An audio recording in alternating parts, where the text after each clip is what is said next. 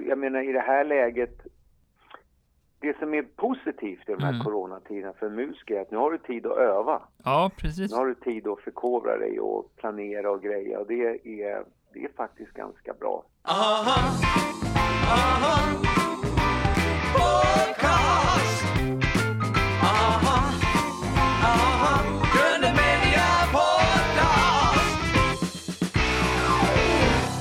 Välkommen eh, Robert Wells till Grunden Media Podcast med mig Carl Magnus Eriksson och Jakob Olsson. Trevligt. hur är det med dig idag Robert? Det är bra. Det är en omtumlande situation för alla i, underhållningsbranschen. Men jag är optimist så att vi planerar om och stökar om. Och vi skulle egentligen vara, när vi pratar nu så skulle vi faktiskt ha varit i Göteborg. Men det är då framskjutet eh, till i höst istället, till september. Så att Mm. då, då kommer vi ner. Vi skulle varit ute och åkt med eh, goda kamrater till mig, eh, Anders Berglund och Peter Harrison Ja, eh, på, på en turné på Lorens eh, Bergsteatern.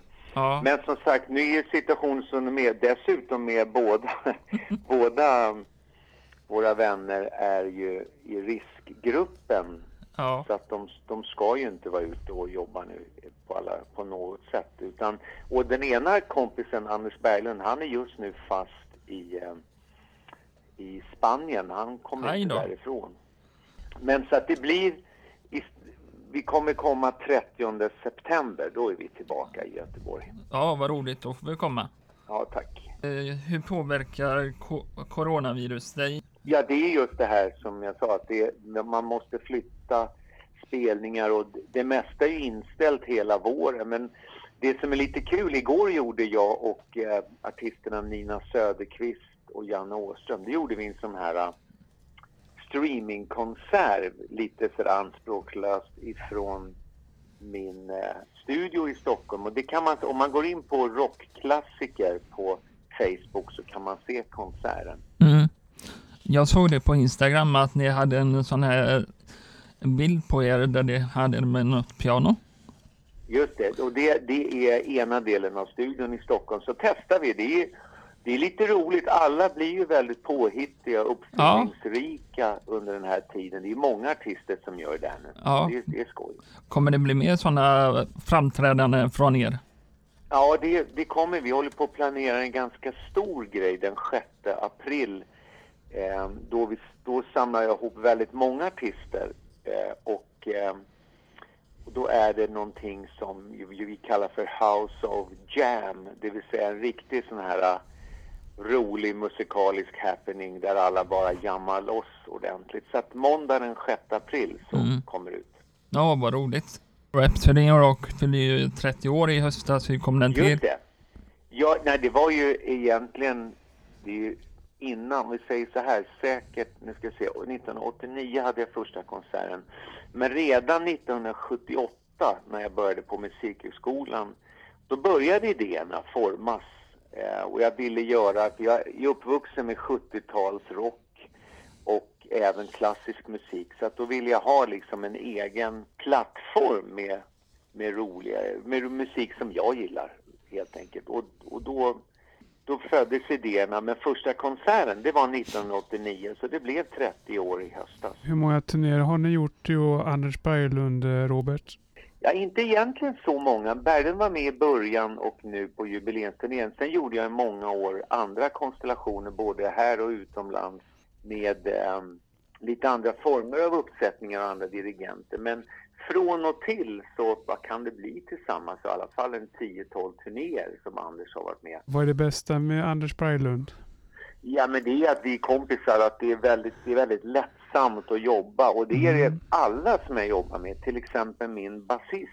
Mm. Han och jag har jobbat i 35 år tillsammans och trummisen i 25. Så att det, jag tycker det är en stor fördel när man känner varandra. Även roadies och ljudtekniker och alla. Det är, det, är, det är bara, bara plus att man har en relation privat, tycker jag. När började du spela piano? Vilket var ditt första piano? Eh, Det var, intresset kom tidigare för min mormor spelade men första pianolektionerna det, det fick jag när jag var sju år. Ja, Då fick jag en så här suveränt bra äldre kvinna i Stockholm som tog tag i mig. Verkligen eh, hjälpte mig framåt i början. Så att det är väldigt viktigt det där att man hittar rätt i början med en, en, eh, en bra lärare. Jag, jag har ju själv egna små pianoläger under sommartid. Det har jag haft i över tio år. Och det, jag försöker, mycket av det jag fick lära mig när jag var liten försöker jag vidarebefordra nu. Och framförallt det här med att du kommer ingen vart om du inte övar. Det, det går inte att, att liksom göra någon genväg utan det är hårt arbete. Mm. Eh, när bestämde du dig för att eh, bli musiker? Det tog inte så lång stund. Jag var nog bara, det låter konstigt kanske, men redan efter några månader när jag hade börjat ta lektioner när jag var typ sju och ett halvt, då visste jag att det där ska jag pyssla med. Och det har jag hållit. Och nu är jag 57 så att det är några år sedan. Det är alltså 50 bast som jag har lirat piano. Om du inte hade varit musiker, vad skulle du vara då?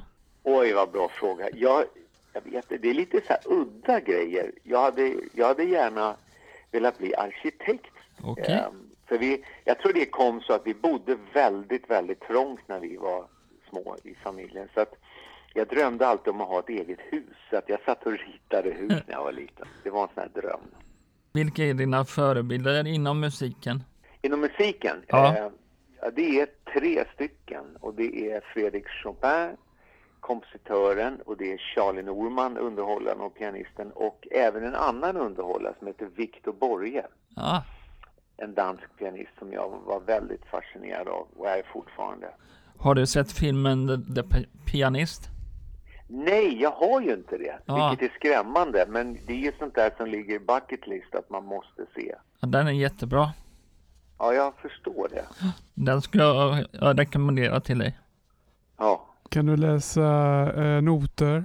Ja, det kan jag. Det är mm. faktiskt en av mina styrkor. Att jag, jag har första pianofröken där, hon förklarade verkligen vikten av det. Så att jag läser ju noter som man läser en dagstidning. Liksom. För mig är det inte så konstigt. Jag har ju övat mm. det så många år. Och egentligen, många blir skrämda av noter, men det är egentligen otroligt logiskt och väl, det tar inte lång stund att lära sig grunden. Sen är det som för mig som pianist som har jobbat med klassiska sångare även, då måste du kunna läsa noter snabbt. Men det är många som jag tycker det är så lustigt när man hör vissa musikanter som eh, är, jag vill inte lära mig noter, känns inte äkta och sådana dumheter. Det är bara lathet. Utan är man en duktig musiker och jobbar med musik, då tycker jag det är ens skyldighet att man har det som en grej, att man ska kunna läsa noter. Men noter inte, ska du inte ha på scenen. Noter lär du dig och sen ska du inte ha noter, tycker jag, när du väl är och jobbar på scen. Mm. Eh, jag har sett att vissa har sina noter via iPad och vissa har, ut, eller har via papper.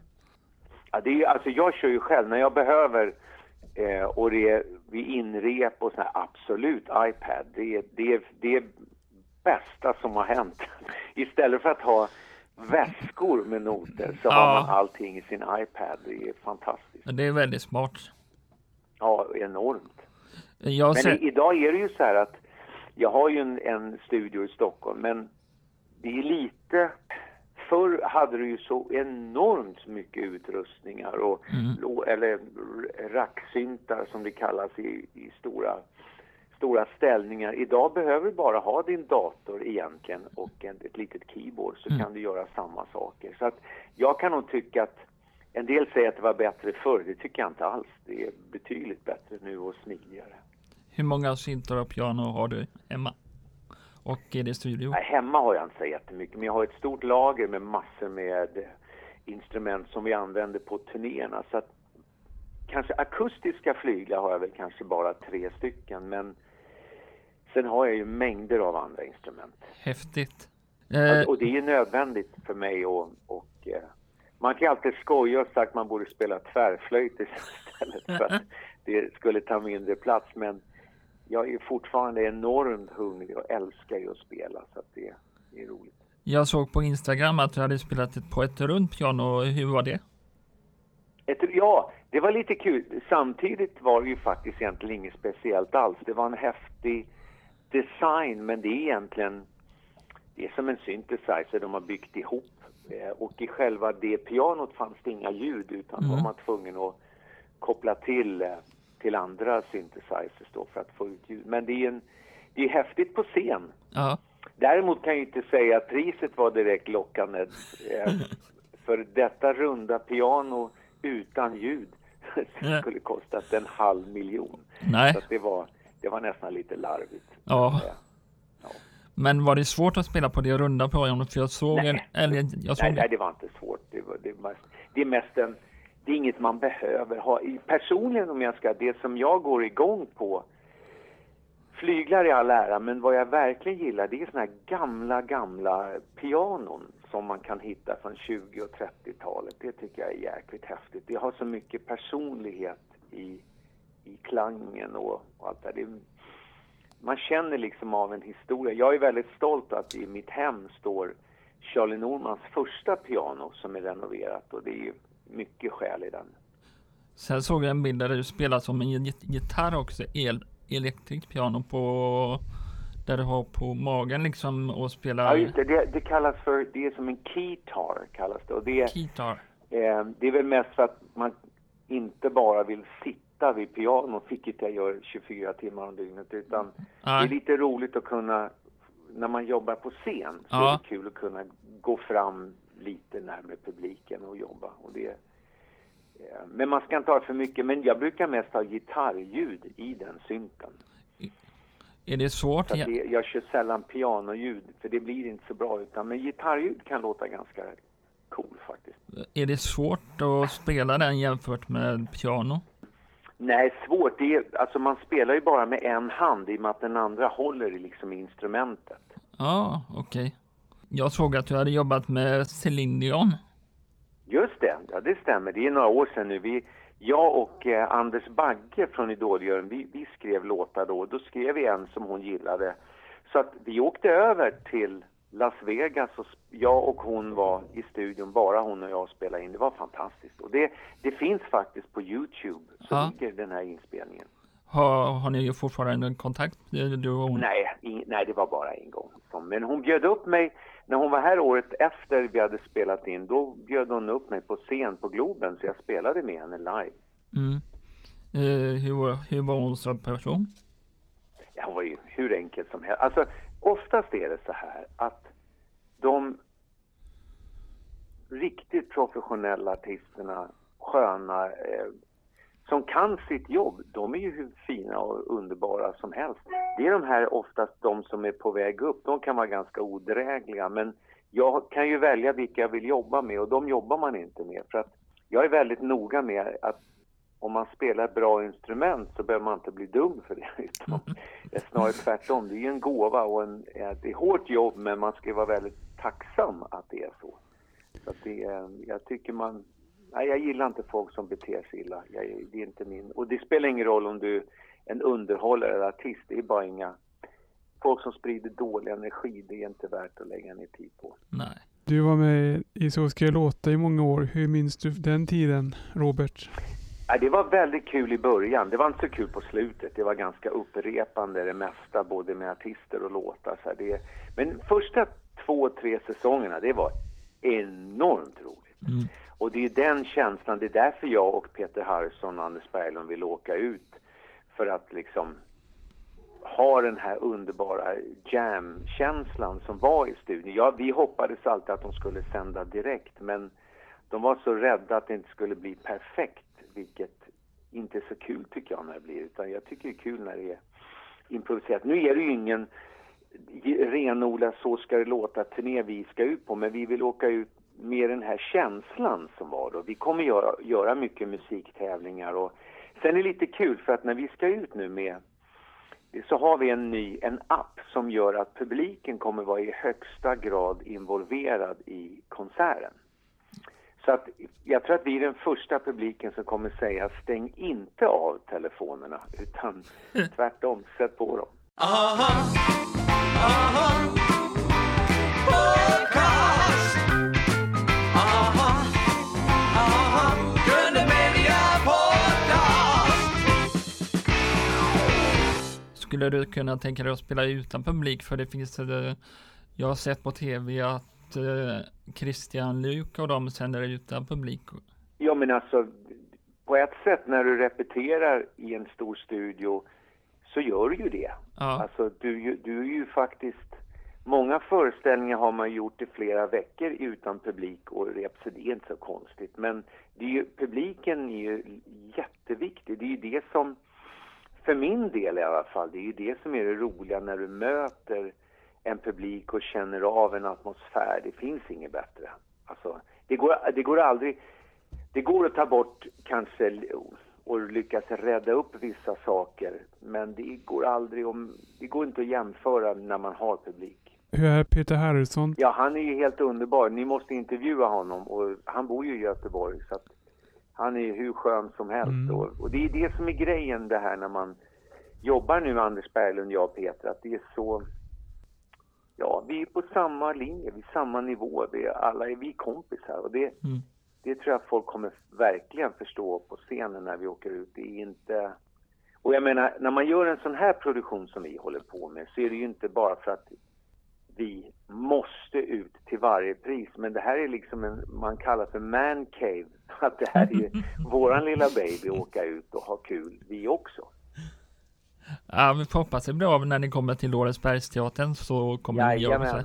Men som sagt, passa på att intervjua både Anders och Peter då. Så ni... Vi har ett, vi har ett café också där, när ni kan få ko- komma och spela. Jaha, jag får se om, om det hinns med. Ja. Det, det är inte omöjligt. Det är inte omöjligt. Mitt första minne av dig är som keyboardist i Hallå där Kypråberg med Bernt. Egeblad, just det. Var Bernt en förebild? Det är från Erik Jensen när han är hemma och sjuk idag. Ja, då får vi hälsa honom krya på sig så jättemycket. Alltså den, jag kan säga att det programmet var väldigt speciellt. För vet vem jag träffade där? Det var faktiskt Peter Harrison. Där träffades vi. Ah, Och, ja, det var tre olika programledare. Det, dels var det Peter Harrison, sen var det Lotta Engberg och en skådespelerska, Eva Fröling. Och så var Bernt Egerblad pianisten. Och det här, alltså det är jättelänge sedan. Det måste vara 1984 tror jag det här var. Men, men det var väldigt kul och då som sagt, där, där inledde jag och Peter vår vänskap. eh, kan du tänka dig att vara med i Mello igen?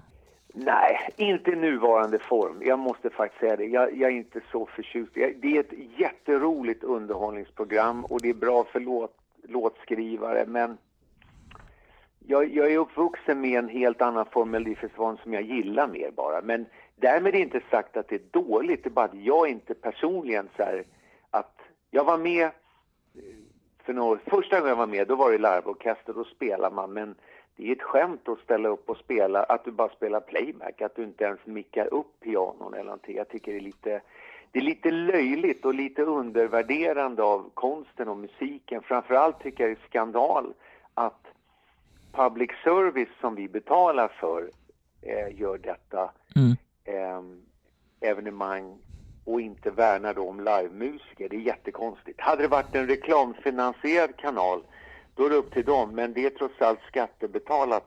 86 fick du, tror jag, Svensktopp-hit eh, uppe på berget. Hur kom den till? Ja, den var, det var väldigt kul, jag, jag var faktiskt ute, eh, jag var ute på en turné då, när den här skrevs, med Jerry Williams. Jag var med i hans band och då satt vi backstage långt, långt upp i Norrland i en Folkets park, högt uppe på ett berg. Så började det. Sen fick jag bara inspiration. Eh, sen i själva låtens tempo är väldigt inspirerat av en annan låt som var populär, I'm so excited. Själva tempot, men låten är ju min egen. Du har träffat eh, Jack Chang. Eh, hur var han som person och har ni fortfarande kontakt? Nej du, det var bara vid en stor välgörenhetskonsert. Han var också då trygg i sig själv och jättetrevlig, men man, det blir inte mer. Alltså många, jag har ju träffat väldigt mycket artister genom åren utomlands, mycket i USA och Kina och runt så här.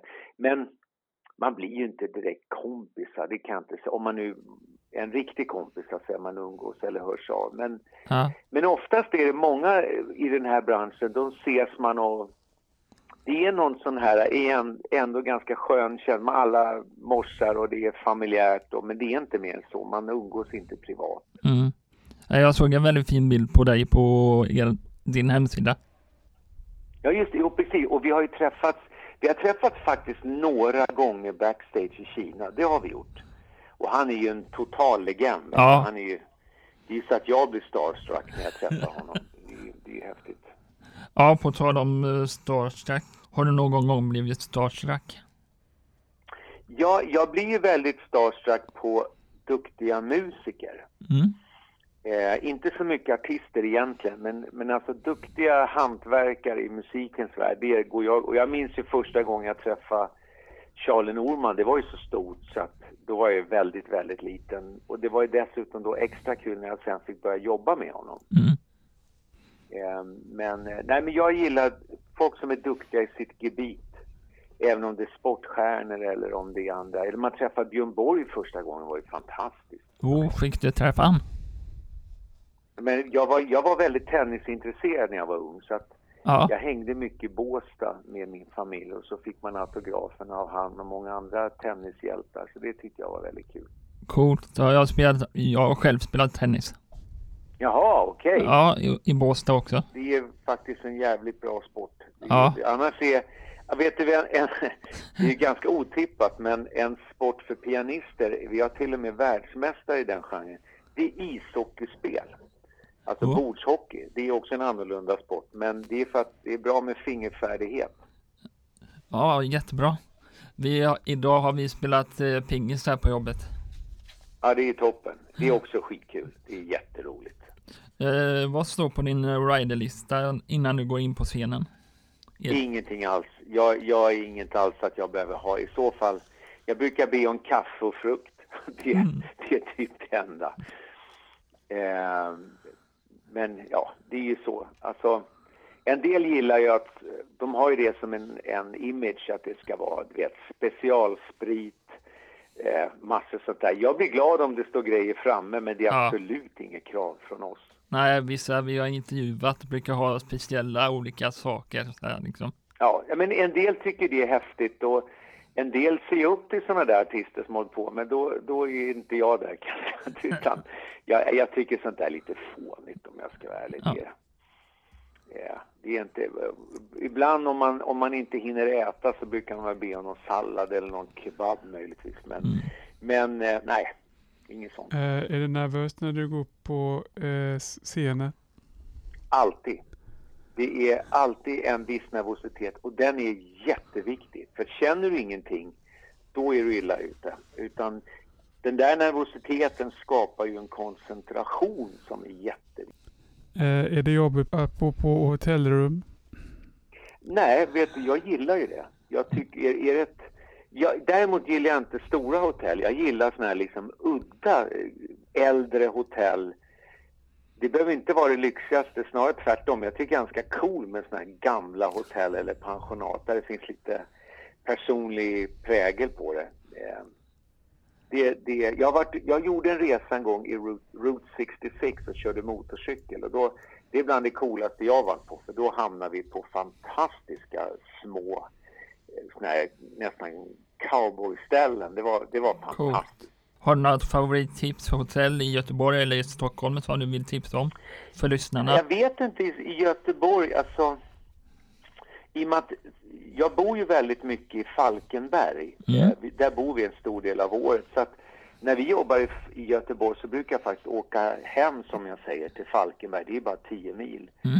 Eh, men förr, på 80-talet, då vet jag att vi bodde var och varannan vecka på Panorama, hette det. Och det var ett toppenhotell. För då hade jag mycket kompisar som jobbade där. Det är uppe i backen där bakom Liseberg. Det Ja. tycker jag är jätte, jättebra. På Men i Stockholm, ja här bor jag aldrig på hotell så jag kan faktiskt inte säga vad, vad man... Eh, det finns ju, om man ska upp till Stockholm så vet jag att det finns små mysiga hotell i Gamla stan som är ganska schyssta. Ja, där uppe vid Eklandagatan ligger ju det där panoramat. Just det, precis. Mm. Och då hade jag vänner förut och då var det liksom väldigt mycket musiker så då bodde vi där ofta. Ja, trevligt. Har du någon drömscen som du vill uppträda på? Ja, alltså jag vill ju gärna, vi, vi bokade faktiskt en gång Radio City Music Hall i New York.